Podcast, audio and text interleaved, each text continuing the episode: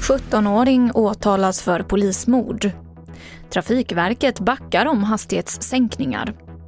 Och det dracks mindre alkohol under pandemiåret. TV4-nyheterna börjar med att nu åtalas en 17-årig pojke för att ha skjutit ihjäl en polisman i stadsdelen Biskopsgården i Göteborg sent på kvällen den 30 juni. Pojken åtalas även för försök till mord och grovt vapenbrott.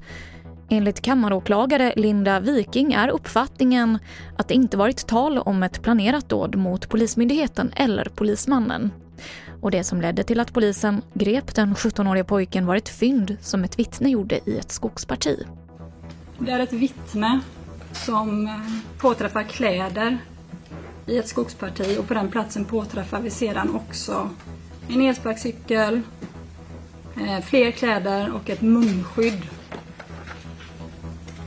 De här kläderna stämmer väl överens med vad flera vittnen har berättat för polis om när man ringer in till polis i samband med gärningen. Eh, det finns också uppgifter om att skytten kommit till platsen och lämnat platsen på en elsparkcykel. Vi får snabbt svar ifrån NFC Eh, och då får vi veta att gärningsmannens DNA sitter, eller nu åtalade personens DNA sitter i munskyddet. Trafikverket backar om planerade hastighetssänkningar på många av Europavägarna runt om i Sverige. Sänkningsplanerna har väckt hård kritik från många kommuner, framförallt på landsbygden. Efter kritiken så skjuts alltså de planerade hastighetssänkningarna nu upp och det ska utvärderas om det här är det bästa sättet för att höja säkerheten. Till sist kan vi berätta att det dracks mindre alkohol än vanligt i landet under pandemiåret 2020.